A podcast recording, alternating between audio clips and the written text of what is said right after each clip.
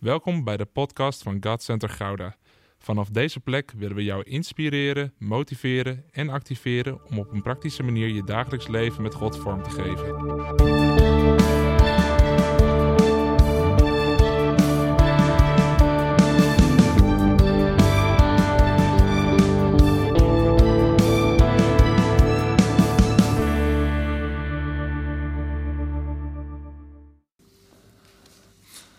Hoop dat je niet eh, te stevig hebt ontbeten.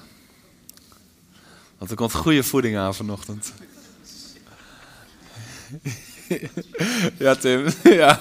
Waar is die drummer nu, hè? Ja. Nee, ik, ik voel... En waarom zeg ik dat? Omdat... Weet je, misschien is het wel nog iets meer studieachtig als eh, prekenachtig. Maar ik geloof echt dat het je beeld van wie Jezus is... en, en daarin je verwondering over wie Jezus is, dat het je gaat verrijken. Dus ik, eh, ja, ik kijk ernaar uit om deze boodschap eh, met je te delen. Hij stond al een tijdje op mijn lijstje. En misschien heb je het al gezien, misschien nog niet hoe de boodschap heet, maar de titel is Welke Jezus wil jij? En dat roept misschien veel vraagtekens bij je op. Welke Jezus wil jij? Maar ik geloof dat, dat aan het einde dat je denkt, ah, dat bedoelde hij ermee. En dat je ook denkt van, oké, misschien wilde ik ook wel een andere Jezus als wie Jezus echt helemaal in zijn volheid is. Dus we gaan ervan genieten vanochtend. Maar voordat we aan het meer studieachtige gedeelte beginnen, wil ik je vragen, wie heeft een lievelingskleur? Mag je even je hand opsteken? Is geen strikvraag. Zo weinig mensen met een lievelingskleur. Joh. Wie is er kleurenblind? Daar kunnen we voor bidden. Dat is geen probleem. Oké. Misschien denk je trouwens, wat, wat doet hij stijvig? Maar mijn, nek zit een beetje vast. Dus als ik je niet heb aangekeken vandaag, is niet persoonlijk bedoeld, maar daar heeft een kind op mijn nek gesprongen. Ehm, dat is echt naar wakker worden trouwens. Ik lag echt nog te slapen en in één keer krak. Ik denk, oh. Ehm, wie zijn lievelingskleur is rood? Dat zijn er weinig. Blauw. Dat zijn er meer. Geel. Groen. Overige. Ja hoor, ja. Roos. Roos, ja. Ja, toch een paar rozen. Oké. eh, de mensen van eh, blauw, ga heel even staan. Nee, nee, nee. Ik ga niks engs doen. Niks engs doen. Kijk even goed om je heen. Dit zijn je lotgenoten. Ze houden... Nee, oké. Eh, nee. Oké. Jullie lievelingskleur is blauw. Toch? Als je gelooft dat rood niet bestaat, mag je gaan zitten. Oké. Ehm, als je gelooft dat groen niet bestaat, mag je ook gaan zitten. En als je gelooft dat geel niet bestaat, mag je ook gaan zitten. Nou, is weinig beweging. Heel goed, blijf staan. Ehm lievelingskleur blauw. Heb je een afkeer tegen rood, dan mag je gaan zitten. Oké, en de laatste vraag is... Vind je mensen die groen mooier vinden een gevaar voor jou en je lievelingskleur blauw? Dan mag je gaan zitten.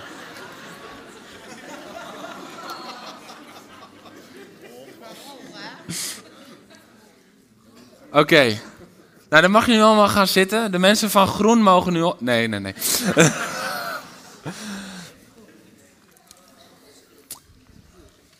Waarom dit? Jullie denken, wat is dit? Hij is niet, niet alleen last van zijn nek, maar ook van wat andere zaken. Waar hebben we het over? Nee, het is heel interessant. Als we het hebben over onze lievelingskleur, datgene wat we het mooiste vinden, dan ontkennen we andere kleuren niet. Dat was vrij duidelijk. Als we een lievelingskleur hebben, dan zien we een andere kleur ook niet als een bedreiging voor ons en onze lievelingskleur. Ik heb nog nooit mensen, twee mensen op straat op de vuist zien gaan met elkaar. En dat is, ja, maar ik hou van blauw en hij van groen en dat is gevaarlijk.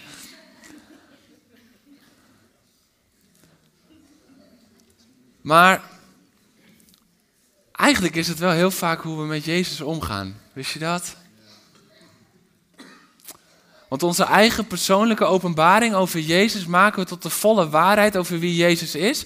En iedereen die daar ook maar iets van afwijkt, die zien we als een gevaar. Die zetten we weg van ja, nee, want dat, dat stemt niet overeen met mijn openbaring van Jezus of mijn inzicht in Jezus.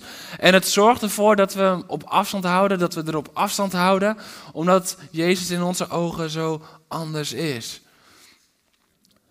En zo gaan we dan vaak met elkaar om in de kerk. We gaan soms zelfs ook met Jezus zelf zo om. Nee, u bent mijn geneesheer.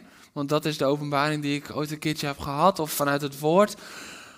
En we gaan zelfs zo met Jezus om. Nee, want dat is wie u bent voor mij. En als Jezus dan als herder wil optreden in je leven, je wil verzorgen, je wil troosten, je wil helpen, dan sta je er eigenlijk niet eens voor open. Want de Jezus die jij hebt gecreëerd, is je geneesheer. Mijn lievelingskleur is rood en alle andere kleuren zijn niet oké. Dat is vaak hoe we ermee omgaan. Maar, weet je, mensen hebben heel vaak verschillende openbaringen van Jezus. Waarom? God is een persoonlijke God. En hij openbaart zich aan Petra, mevrouw, openbaart hij zich anders als aan mij. En sterker nog, hij openbaart zich vandaag de dag aan mij anders als tien jaar geleden. Waarom? Ik zat in een andere fase. Dus hij openbaart zich ook in hoe jij hem nodig hebt op dat moment.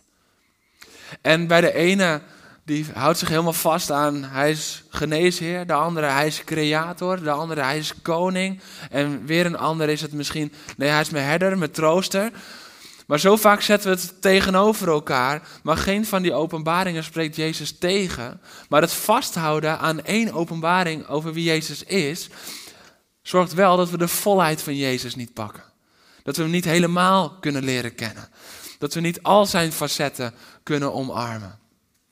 En dan is het niet erg dat er iets is wat als een lievelingskleur is, het is niet erg dat er dan één facet is waar jij je meest verbonden mee voelt. De ene die stapt meer, zeg maar, in het stukje genezingsbediening bijvoorbeeld. En Jezus is mijn geneesheer. En de andere is misschien veel pastoraler aangelegd. En die zal veel meer, de lievelingskleur van Jezus is, hij is mijn herder. En dat is helemaal niet erg. Het wordt pas een probleem als je de andere kleuren van je afschuift of gaat ontkennen. Want Jezus is heel veelkleurig heel veelkleurig. Enorm veelkleurig. Daar kom ik straks nog op terug. Maar die veelkleurigheid is veel mooier als één kleur. En dit is vaak wat we doen. We zetten de opvattingen die we hebben over Jezus tegenover elkaar. Dus dan zeggen we tegen mensen die ziek zijn: je moet blijven strijden voor genezing. Want als je rust vindt bij je herder, dan geef je op en dan heb je eigenlijk geen geloof. Dus dan geef je geen gehoor aan de grote opdracht die hij geeft. Want we moeten in wonderen en tekenen uitstappen.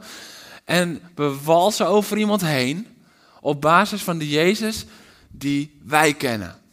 Maar Jezus is groter als hoe wij hem kennen. Ik ben erachter gekomen dat hij is veel groter als hoe ik hem ken. En daarom wil ik me blijven uitstrekken naar meer van hem. Maar dan hebben we ook nodig dat we niet alleen voor onze lievelingskleur gaan, maar dat we breder durven te kijken.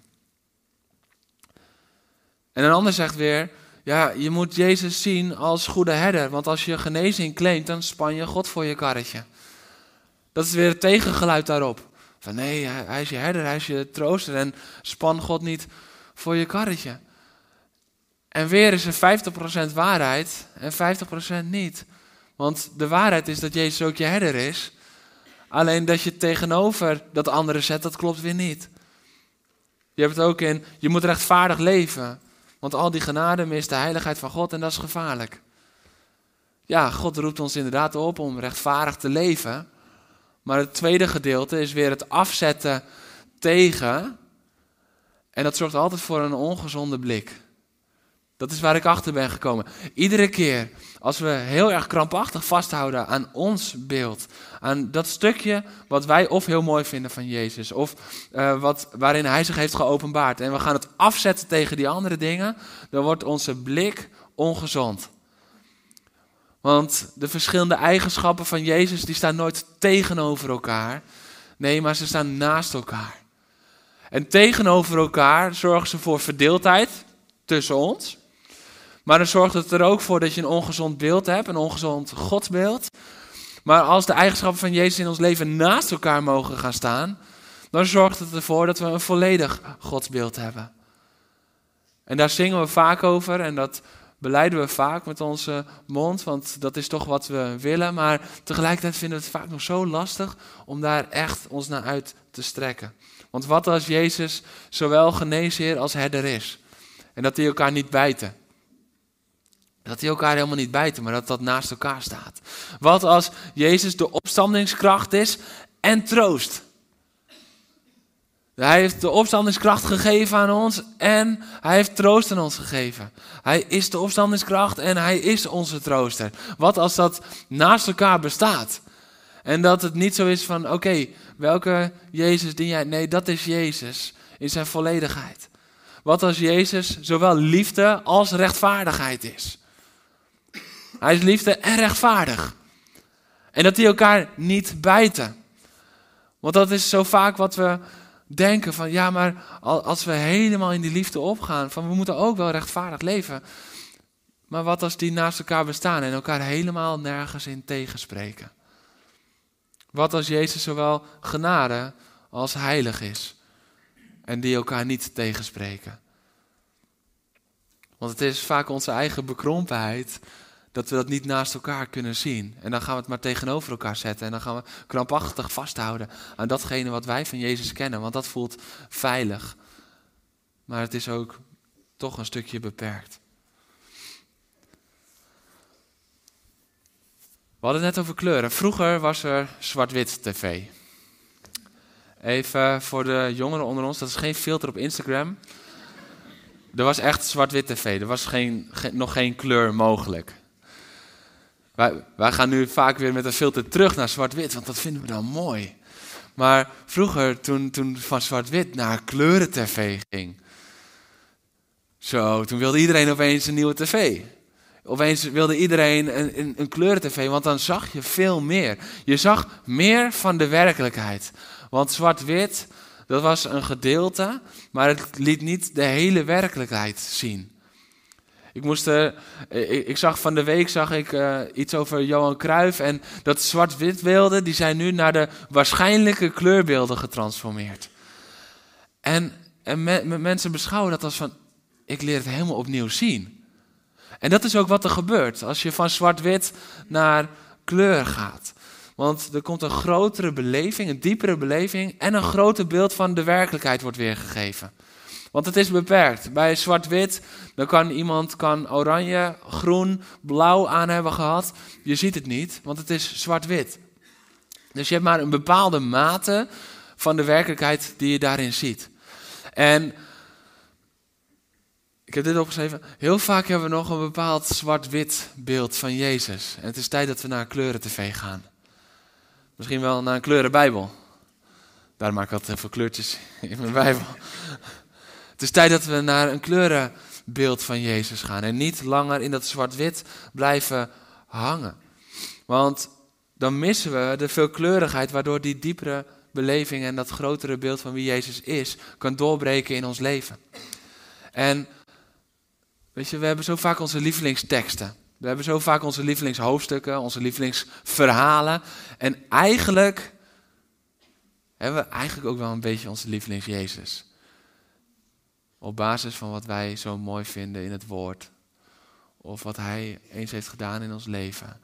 En we hebben dan een stukje onze lievelings, Jezus. En we denken dan dat we door ons daaraan vast te houden en helemaal op te focussen, dat we sterker worden en dat we Jezus helemaal leren kennen. Maar eigenlijk blijven we in een bepaald zwart-wit beeld hangen. En verlangt Hij ernaar dat we Hem in hele kleuren leren zien. Dat is ook waarom we vier evangeliën hebben. We hebben vier evangeliën gekregen. En weet je wat ik zo leuk vind? Soms kan het lijken van, ja maar Jeroen, waarom is het vier keer opgeschreven? En waarom is het vier keer niet helemaal hetzelfde? Waarom spreekt het elkaar soms tegen? Dat is vaak wat we denken. Maar de evangelieën spreken zich nergens tegen. Maar we moeten ze leren naast elkaar te zetten. Om de veelkleurigheid van Jezus te ontdekken. En dat is waarom ik al zei van het wordt een uh, goede maaltijd. Omdat ik een beetje wil gaan kijken naar wat kunnen we al leren van die evangelie over hoe we naar Jezus moeten kijken. En hoe we zijn veelkleurigheid moeten ontdekken.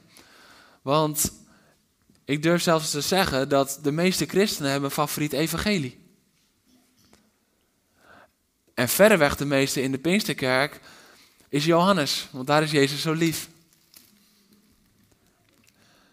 En ik dacht, ik zal genadig met jullie zijn en ik ga naar jullie lievelingskleur vragen en niet naar jullie lievelingsevangelie.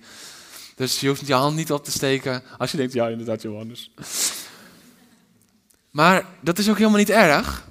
Dat is logisch. Iedereen heeft daarin dus zijn eigen favoriete gedeelte. Maar de andere kanten van Jezus moeten wel net zoveel aandacht krijgen in ons leven om een volledig beeld van Jezus te behouden. Want als we de andere kanten niet toelaten, dan missen we diepte, dan missen we kleur, dan missen we uiteindelijk ook schoonheid, werkelijkheid en volheid van wie Jezus is. Ik wil even de evangelie met je langs gaan. We beginnen bij Matthäus. Matthäus schrijft zijn evangelie echt voor de Joden. Dus de keuzes die hij maakt om te benadrukken, die legt hij op, dit is geschreven voor het Joodse volk. En hij brengt Jezus heel erg naar voren als koning. Als koning der Joden. Dat is ook de reden dat in Matthäus, dat het begint met een hele lap aan namen. Een heel eh, geslachtsregister. En dat je misschien denkt van ja, waarom staat het er nou? Dat hoofdstuk sla ik altijd over. Matthäus 1 sla ik over en dan begin ik in 2 met lezen. Of halverwege 1 met lezen.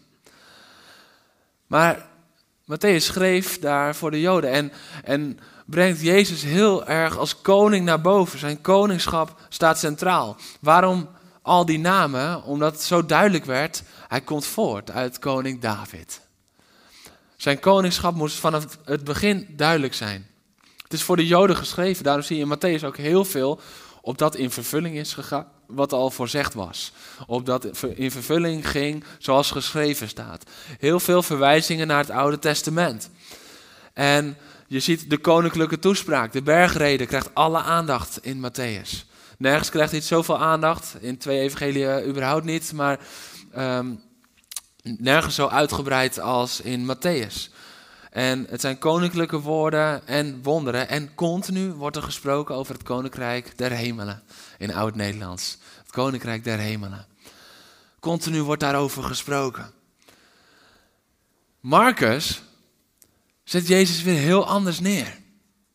En dat staat eigenlijk bijna tegenover zijn koningschap in menselijk oogpunt. Want wat doet Marcus? Die zet Jezus neer als dienstknecht. En dat is nogal een verschil. Koning of dienstknecht. Hij benadrukt Jezus als dienstknecht en daarnaast als machtige redder. Het is voor de Romeinen geschreven vooral. Dus daarom veel aandacht aan zijn macht en autoriteit. Veel aandacht voor macht en autoriteit, want de Romeinen waren daar nogal van geobsedeerd. Is kort en krachtig geschreven, veel wonderen, tekenen, minder aandacht voor de woorden van Jezus. Als je het hart van Jezus achter zijn wonderen en tekenen wil leren kennen, dan kan je beter een andere evangelie lezen. Het is gewoon boem, boem, boem, boem. De bergreden ontbreekt, geboorte krijgt geen aandacht, geen oud-testamentische aanhalingen. Het is gewoon, oké, macht en autoriteit, maar hij kwam als dienstknecht. Hij kwam als dienstknecht. We gaan straks op het einde gaan we nog een keertje zien hoe dat allemaal iedere keer naar voren komt.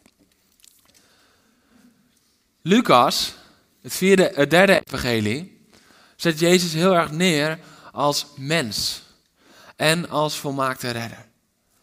Waarom als mens? Lucas schreef vooral, schreef vooral voor de Grieken. En daar stond de mens altijd heel erg centraal. Als je dat helemaal daar God loskoppelde van de mens, dan was er geen Griek die naar je luisterde. Dus hij zette Jezus neer vooral als mens. En dat is ook heel plausibel, want jij denkt misschien nu van, ja, maar hoe kan het nou? Hij was de zoon van God. En ja, dat ligt Johannes uit. Maar de Bijbel maakt duidelijk dat hij was 100% God. Hij is ook 100% mens geworden voor ons. En hij heeft onder ons gewoond. Dus dat spreekt elkaar niet tegen, maar dat vult elkaar juist aan. Volmaakte redder en als mens. Lucas was dokter, dus er is veel aandacht voor genezingen en wonderen. En daarin uh, wordt dat dus zwaar benadrukt. Dat menselijke aspect wordt zwaar benadrukt. Ook bij het geboorteverhaal. De geboorte uit een vrouw op een onaanzienlijke plaats. Het wordt heel duidelijk van, hij kwam niet als, als, als God op aarde. Nee, hij kwam als mens. De meeste wonderen staan in Lucas geschreven. En dat is logisch, want Lucas was een dokter. De kern van Jezus' bediening, die staat ook in Lucas. In Lucas 4. En dat is ook mooi, want dat komt dan weer samen in het stukje van hij is mens geworden. Dus hij had de geest van God op zich had hij nodig. En in Lucas 4 staat dan, de geest van de Heer rust op mij, want hij heeft mij gezalfd om aan armen het goede nieuws te brengen. Heeft hij mij gezonden. En om gevangenen hun vrijlating bekend te maken, blinden herstel van zicht, onderdrukte hun vrijheid te geven en het genadejaar van de Heer uit te roepen. Dat is even kort samengevat in korte termen om armen het goede nieuws te brengen, bevrijding te brengen, genezing te brengen, innerlijk herstel voor die onderdrukte en het prediken van het evangelie, genadejaar uitroepen, het prediken van het evangelie. Dat waren de vijf dingen die hij moest doen. Zo, dankjewel. Dat waren de vijf dingen die hij kwam doen. En daarin zie je gelijk weer volheid. Hij kwam niet alleen om te genezen. Hij kwam niet alleen om te bevrijden. Hij kwam ook niet alleen om te prediken. Hij kwam niet alleen voor lichamelijk herstel, maar ook voor innerlijk herstel. En hij kwam niet alleen voor degenen die het goed hadden, hij kwam ook voor de armen. Hij kwam voor iedereen. We zien een volmaakt beeld van Jezus niet door ons te focussen op één facet, één evangelie, één kleur die wij zo mooi vinden in hem, maar door het met elkaar samen te pakken. Johannes, die richt zich dan juist weer heel erg op Jezus is de zoon van God. En daarnaast is het echt het evangelie van de liefde. Je ziet continu die liefde. En veel minder aandacht voor zijn wonderen en zijn tekenen. Er worden er zeven genoemd, plus één. Maar heel veel juist aandacht voor zijn woorden. De ik ben uitspraken. De, de conversaties die hij heeft.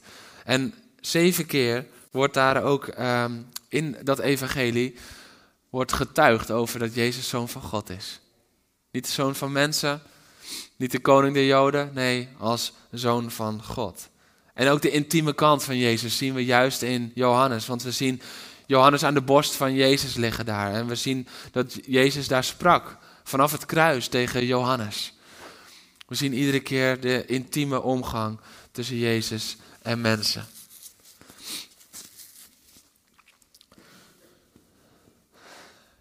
En het mooie is, door die verschillende perspectieven komen de verhalen, ook al zijn het dezelfde verhalen, niet altijd 100% overeen. En dat is vaak waar wij in de war raken. Dat is vaak waar we in de war raken. Al als we de Bijbel lezen, dat we denken van hoe kan het nou dat Lucas dat uitlegt en Marcus dat en Matthäus dat. En dat Johannes het helemaal niet uitlicht. Want Johannes is een beetje het vreemde evangelie tussen de vier. Die pakt hele andere elementen uit het leven van Jezus eruit en laat heel veel wat de andere drie wel beschrijven, laat het weg. Hoe kan dat dan? Dat het niet 100% overeenstemt met elkaar. Maar weet je, ze komen niet 100% overeen. Maar ze spreken elkaar niet tegen, ze vullen elkaar aan.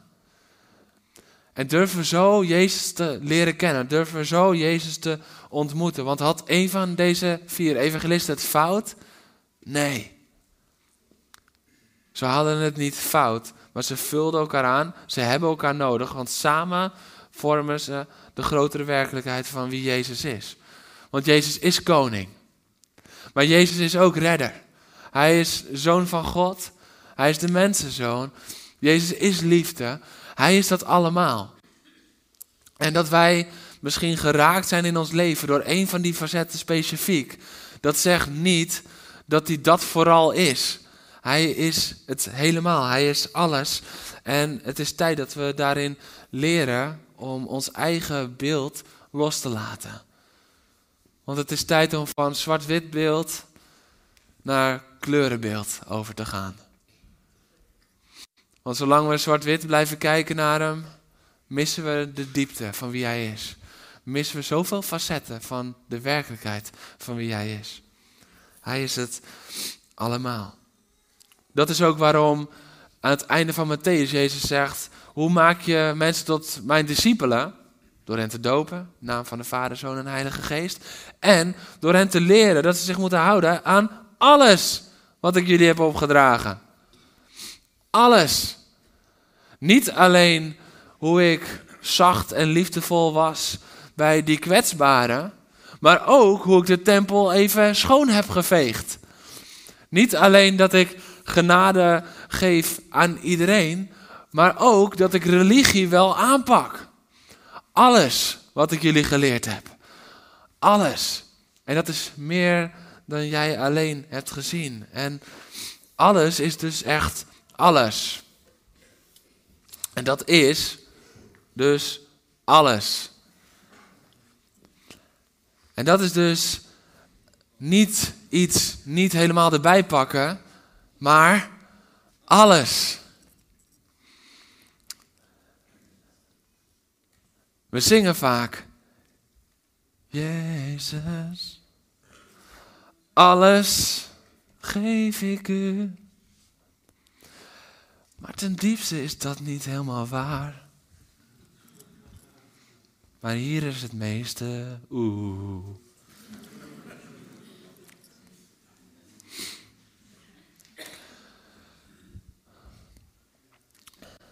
Maar ik had het er met Albert over. Van ja, om nu geef mij Jezus te zingen na deze boodschap was te obvious. We gaan een ander nummer doen. Maar ik moest er wel aan denken. Geef me Jezus alles van Hem. Of willen we vaak dat stukje van Jezus dat ik ken? Willen we dat stukje van Jezus dat ik ken? Of willen we alles van Hem? Want dat is nogal een verschil vaak. Dat is vaak een groot verschil. En dit zijn alleen nog maar de evangeliën, de vier evangeliën, waarin we dus vier verschillende blikken krijgen, waar er vier verschillende nadrukken op Jezus worden gelegd, vier verschillende kanten worden benadrukt. Hij is koning, hij is redder, zoon van God, hij is liefde, hij is de mensenzoon. Dat alles is hij. En dat werkt dus ook weer verschillende dingen uit in iedereen's leven. Maar als we dat niet durven te pakken, dan zullen we altijd vast blijven zitten in een hokje van de Jezus zoals wij hem willen hebben. En zoals we Jezus alles geef ik u. Een hoop is misschien soms ook wel, Heer, ik, ik, ik wil u kennen, ik wil u helemaal. Maar wel helemaal zoals, zoals dat past bij mij, bij mijn beeld. En het is de tijd om Jezus te leren kennen zoals Hij is. En niet vinden hoe wij vinden. Uh, of Hem niet te willen leren kennen zoals wij vinden dat Hij moet zijn. Want vaak hebben wij wel een sterk beeld van hoe Jezus is. Of moet zijn misschien wel. Een gezonde discipel kijkt verder dan zijn eigen ervaring of verlangen. En dat zien we pijnlijk duidelijk worden in Matthäus 16. Uh, ja, Matthäus 16. In Matthäus 16 zien, zien, we een confrontatie tussen uh, Jezus en Petrus. In Matthäus 16 zien we dat het even op het scherp van de snede gaat. En dat Jezus heel erg duidelijk is. En dat we alles van Jezus willen, dan hoop ik dat we dat ook nog zeggen na dit moment. Vanaf die tijd begon Jezus zijn leerlingen duidelijk te maken dat hij naar Jeruzalem moest gaan en veel zou moeten lijden door toedoen van de oudste en de hoogste priesters. En dat hij gedood zou worden. En op de derde dag uit de dood zou worden opgewekt. Nou, ik, ik ben er zelf van overtuigd. Dat stukje van die derde dag opgewekt uit de dood, dat hebben ze al niet meer gehoord, de discipelen. Want, want ze snapt het ook nog niet op de derde dag zelf, dus dat hebben ze niet meer gehoord. En is dat herkenbaar? Dat als je slecht nieuws krijgt, en er komt nog wat achteraan, wat het eigenlijk helemaal niet zo slecht maakt. Dat, dat je door alle. Ah, ah, ah, sirenes in je hoofd, dat dat al niet meer binnenkomt? Dat je niet meer hoort dat er al een oplossing is, omdat eerst het probleem is neergelegd? Nou, dat hebben de discipelen hier ook, want Petrus, die neemt hem dan terzijde. Die neemt Jezus terzijde en begon hem fel terecht te wijzen. Bedenk je even, hè? Fel terecht te wijzen. Petrus, redelijk extravert persoon. Dat was niet zo van. Uh, Tim, kan je er even bij komen? Ja, Tim denkt, ah nee, nou word ik fel terecht gewezen. Lekker man. ja, neem de Jezusrol op je als ik je fel terecht wijs. Ja? Nee, maar kijk, wat, wat, wat er gebeurt is, Petrus nam hem terzijde. Dus wat, wat doet hij? Hij neemt Jezus wel even op een klein afstandje. Dus hij zegt niet eh, vanaf daar. Nee, maar hij zegt wel, laten we heel even, laat, laten we heel even hier gaan staan. Het interessante is wel dat Matthäus het kon opschrijven.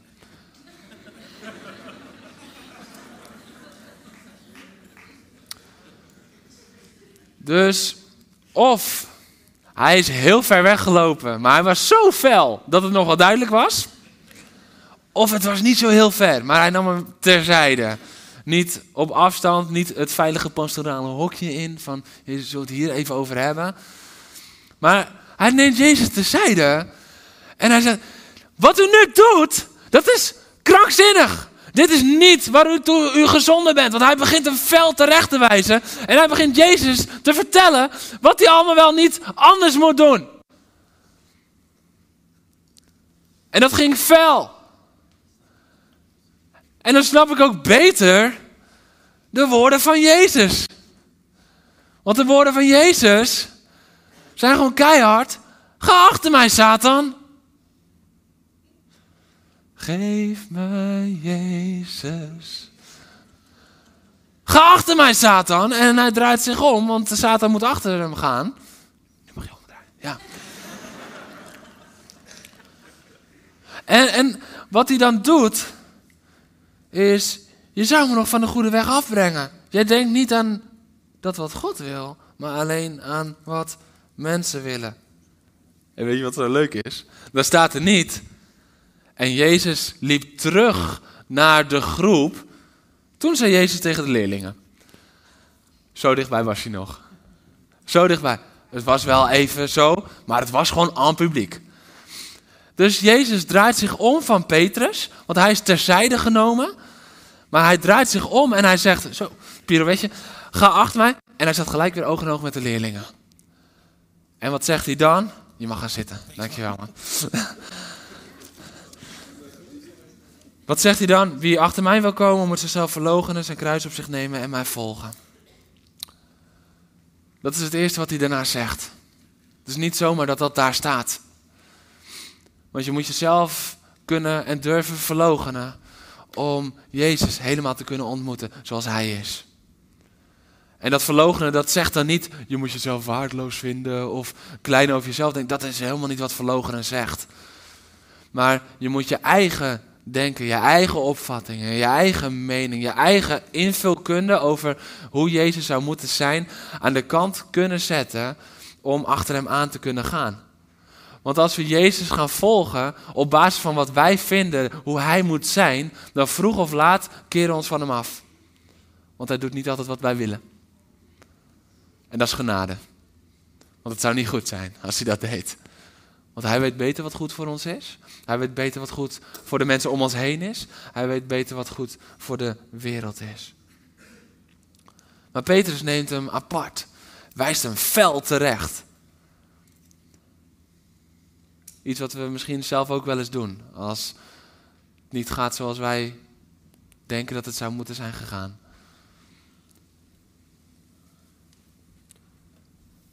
Maar Petrus doet het vanuit eigen verlangen, vanuit eigen inzicht. Want Jezus zegt duidelijk: Je denkt niet aan wat God wil, maar je denkt aan wat mensen willen. En dat stukje raakt mij. Nog meer als wat daarvoor of daarna. Weet je dat ik heel eerlijk, dat Jezus zegt, ga achter mij Satan, dat ik dat een stuk makkelijker vind als dat hij zegt, jij denkt niet aan wat God wil, maar aan wat mensen willen. Want dat stukje ga achter mij, Satan, dat is niet op Petrus zelf gericht. Jezus houdt van Petrus. Het is de gedachtegang van Satan die daar terecht gewezen moet worden. Die hem weg wil houden bij het kruis. Maar jij denkt niet aan wat God wil, maar alleen aan wat mensen willen. En hoe vaak is dat in ons eigen leven ook niet zo? Dat we Jezus plakken op wat wij zo graag willen. Dat we Jezus een naam plakken op dat waarvan wij overtuigd zijn dat goed zou zijn voor ons. Of voor de wereld. Of voor. Noem maar op. En mag Jezus vandaag even zo dichtbij komen.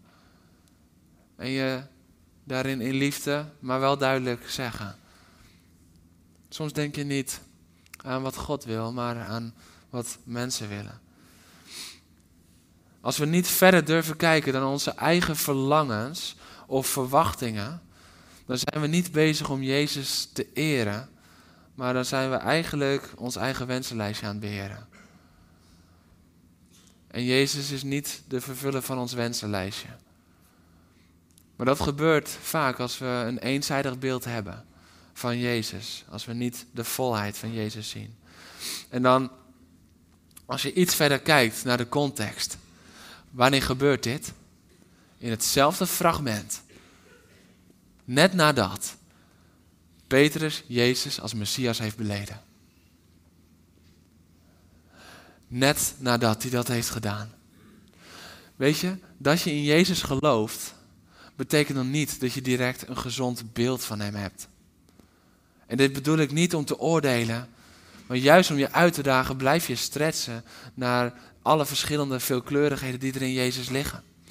Want Petrus geloofde in Jezus. Hij erkende hem als, als, als Heer, als Messias, als degene die zou komen. En tegelijkertijd is zijn beeld van hem nog steeds ongezond, want hij begint hem te bestraffen op het moment dat hij vertelt daartoe waar hij gezonden is. En daarom is het zo belangrijk dat we ons blijven voeden met de verschillende kanten van Jezus. Want zo vaak projecteren we onze eigen verlangens op Jezus en dat maken we dan tot een soort godsbeeld. En dat godsbeeld moet dan doen wat wij willen, maar wij moeten leren willen wat Hij doet. Zo vaak moet ons godsbeeld doen wat wij willen in ons leven. Maar wij moeten leren willen wat Hij doet. Want zijn hart is zuiver en goed. En, en weet je, ik kan nu al bijna de stemmen horen van, ja, maar uh, weet je, we moeten ons toch vooral uitstrekken naar wonderen en tekenen, want dat is de grote opdracht en, en noem maar op. En veel mensen zijn ook vaak bang dat als je komt van, hé, maar hij is ook een herder. Hij is ook een trooster.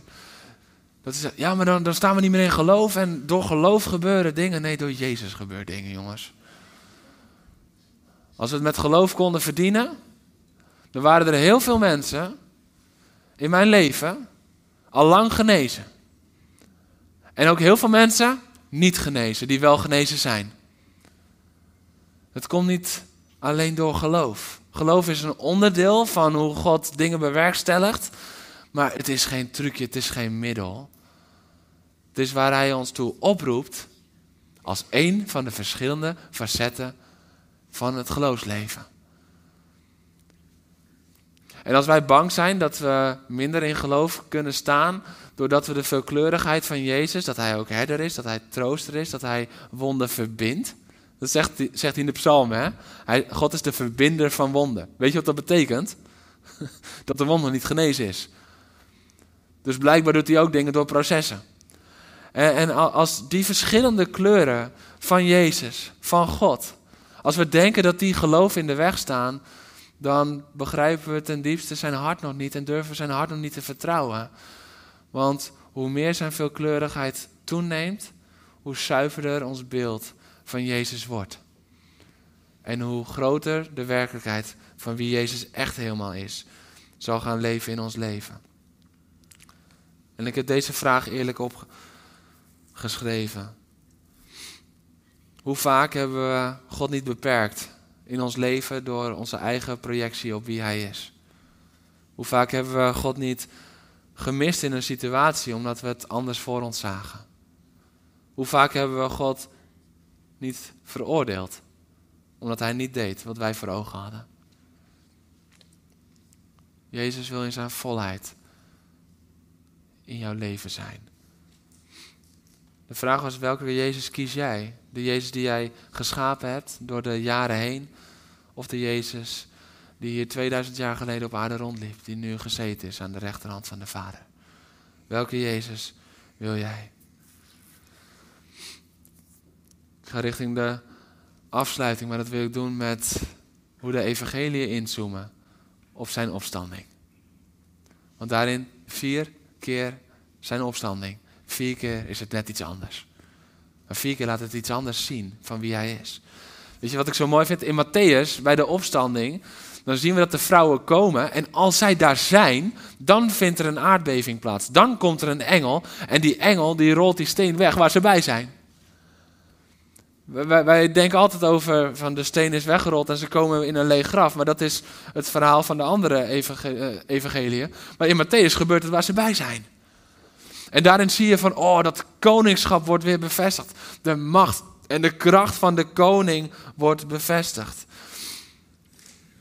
En dat is ook de Jezus die we zo vaak graag zien. Ik denk dat we een hele grote koningsbeeld van Jezus hebben.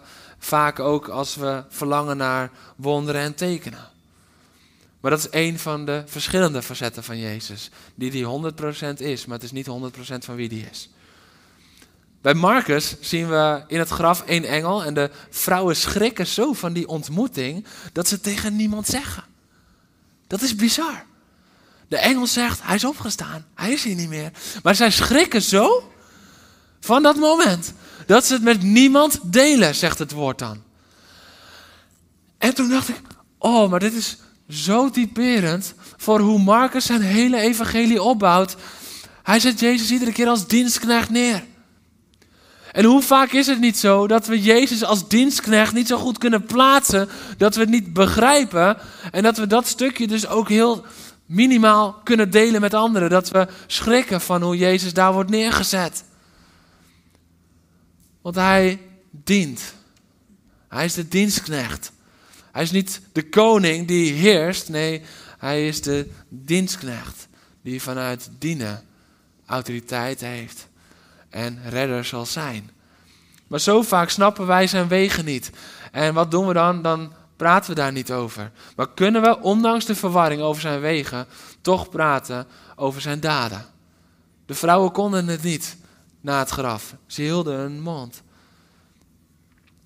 Lucas, daar komt letterlijk weer die mensenzoon terug. Want de engel vraagt, waarom zoekt u de levende onder de doden? De mensenzoon moest gekruisigd worden om op te staan op de derde dag. Nergens anders staat dit, na de opstanding, mensenzoon. Dus uh, Lucas die zet nog een keertje in op die mensenzoon. Jezus openbaart zich op een niveau zoals we dat kunnen ontvangen. De vrouwen konden dat niet bij de dienstknecht, maar voor de Grieken was het zo belangrijk, de mensenzoon. En in Johannes zien we dat Jezus daar zelf staat in de tuin. Bij de anderen zijn het engelen. En in Johannes is het Jezus. En die zegt Maria. Die roept er bij naam. Maria. En in één keer vallen de schellen van haar ogen en ziet ze haar Heer. En dat is ook haar reactie. Ik heb de Heer gezien. Daar is Jezus niet meer rabbi, maar Heer geworden in haar leven. Maar daarin zien we de Heer, de Zoon van God wordt boven het menselijke uitgetild. Maar ook die liefdevolle omgang. Die liefdevolle omgang. En daarin zien we vier keer een verschijning, vier keer een andere nadruk. Vier keer hetzelfde verhaal, maar vier keer andere details. Maar het is één waarheid. Namelijk dat Jezus koning, dienstknecht, mensenzoon, redder, zoon van God, liefde is. Hij is alles in één. Maar in één verhaal vind je het niet. In één verhaal vind je het niet, maar in die vier verhalen vinden we het wel. En dan heb ik het nu alleen nog maar over de evangelie. De Bijbel staat vol van Jezus. En niet alleen vanaf die pagina waar staat Nieuwe Testament. Daarvoor ook. De Bijbel staat vol Jezus. Vol Jezus. En allemaal kleuren, allemaal facetten die benadrukken hoe goed en hoe groot Hij is en hoe veelzijdig Hij is. Vraag of de worship alvast klaar wil gaan staan.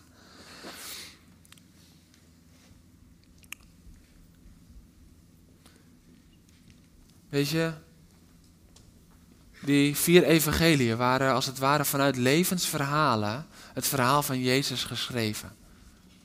En in de Bijbel accepteren we dat. Maar in jouw levensverhaal worden ook facetten van Jezus geschreven. In jouw levensverhaal zal je ook zien dat een kant van Jezus meer naar voren komt dan een andere kant. Maar daarom, daarom hebben we gevierd met het avondmaal dat we één lichaam zijn. Want in dat één lichaam zijn komen alle facetten van Jezus samen. In dat één lichaam zijn, daar, daarom is het zo gevaarlijk als mensen zeggen: Ik heb de kerk niet nodig. Ik heb Jezus. Ja, je hebt jouw beeld van Jezus, maar je hebt de kerk nodig om de volledige Jezus keer op keer te blijven ontmoeten. En daarom is het zo gevaarlijk als we denken dat we het op eigen houtje wel kunnen. Want op eigen houtje kunnen we inderdaad ons beeld van Jezus in stand houden, maar kunnen we ons beeld van wie Jezus echt is niet verbreden. Daar hebben we het hele lichaam voor nodig. En we zijn allemaal een ander facetje van dat lichaam. Dus allemaal ons levensverhaal, dat zal allemaal een ander facet zal het naar boven brengen. Maar daarom is het lichaam van Christus zo veelkleurig met elkaar. En zijn we aan elkaar verbonden om die veelkleurigheid dicht bij elkaar te houden en in stand te houden en vorm te geven. Want dat is een ander ding. Zonder deel te zijn van het lichaam van Christus kan je niet tot je bestemming komen. Waarom? Omdat het hoofd het lichaam aanstuurt. Maar als jij de teen bent en je denkt dat je het alleen wel kan, dan ben je losgekoppeld van het hoofd dat je moet aansturen. Dus kan je niks. En het is tijd dat we niet alleen kijken naar het stukje waarheid dat we bij ons dragen, maar dat we de volle waarheid van hoe we Jezus bij ons dragen met elkaar leren ontdekken en vinden en ons daarnaar gaan uitstrekken. En dan kom ik terug op die kleuren aan het begin. Want er is één kleur die Jezus is. In de hemel zie je dat hij één kleur is. Welke kleur is dat? Wie durft? Het is wit. En wit is de samenstelling die bestaat uit de combinatie van alle zichtbare kleuren die er zijn. Wit is wie Jezus is. Maar als wij niet open worden voor al die kleuren, kunnen we Jezus ten diepste niet zien zoals Hij echt is. Want Hij is wit. En daarvoor hebben we alle kleuren nodig. Daarvoor hebben we nodig dat we Hem zien werken als geneesheer. Daarvoor hebben we nodig dat we Hem zien troosten als trooster. Dat we Hem zien zorgen als redder. Dat we Hem zien creëren als maker. Dat we Hem zien regeren als dienstknecht. Dat we Hem Noem maar op. Al die verschillende facetten van Jezus hebben we nodig om tot een gezond beeld van Jezus te blijven en te komen. Want hij is wit licht. Hij is niet één facet. Hij is ook niet de vier lievelingskleuren. Omdat we vier evangelieën hebben. Nee, hij is wit licht. Alle voorstelbare kleuren die samen gebundeld worden heilig, zuiver, wit licht. En in jouw leven kan Hij zich alleen openbaren als wit licht, als je hem ruimte geeft om in alle kleuren te schijnen. En heb je dan nog steeds een lievelingskleur? Ja, want de vier evangelisten hadden ook een lievelingskleur. Maar die lievelingskleur weerhield ze niet. En mag ons nooit ervan weerhouden om al die andere kleuren niet alleen te accepteren, maar te erkennen en ons toe te eigenen. Denk niet alleen van, oké, ja, ik ben heel erg juist van, van Gods liefde. En die ander naast mij die is heel erg van zijn heiligheid. Nou ja, dat is prima voor hem, dat mag. Ik laat hem in zijn waarde. Nee, maar zie van, oh, dat erken ik en dat heb ik ook nodig. En mijn zwaartepunt ligt misschien op die liefde, maar die heiligheid is net zo onmisbaar.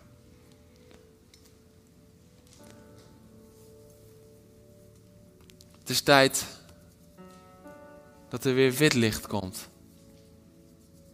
In het lichaam van Christus. Het is tijd dat er weer wit licht komt. In de kerk van Jezus. Het is tijd dat er weer wit licht komt. In ons hart. Laat me afsluiten hiermee. Deze stelling durf ik aan en hij is misschien een beetje heftig. Maar ik geloof dat hij uit het hart van God komt. Je kan alleen teleurgesteld raken in God. Als Jezus niet als wit licht in je leven mag schijnen. Je kan alleen teleurgesteld raken in God als je vasthoudt aan jouw kleur en andere kleuren niet toelaat. Want dan kan Hij niet in dat facet waarin Hij jou wil bedienen, kan Hij niet opereren, waardoor je teleurgesteld raakt. Maar je raakt niet teleurgesteld in God, omdat Hij dat facet niet is, maar omdat je het niet toelaat. Want Hij is het. Jezus is wit licht. Maar we hem ook in die volheid van wit licht toe te laten. Die vraag wil ik bij je neerleggen. Terwijl we zo gaan aanbidden, neem de tijd om gewoon een moment te bidden tot God.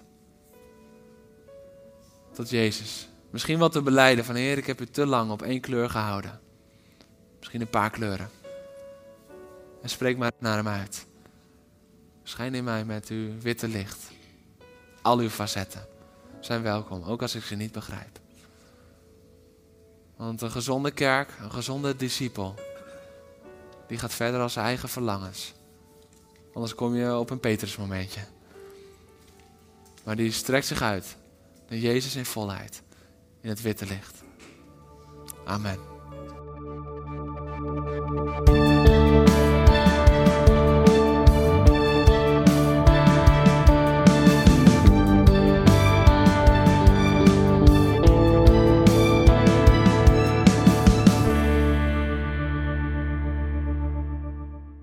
Bedankt voor het luisteren naar deze podcast. Volg ons op onze kanalen om verbonden te blijven. Heeft deze aflevering jou geraakt? Deel dan op je socials en tag ons, zodat we samen meer mensen kunnen bereiken.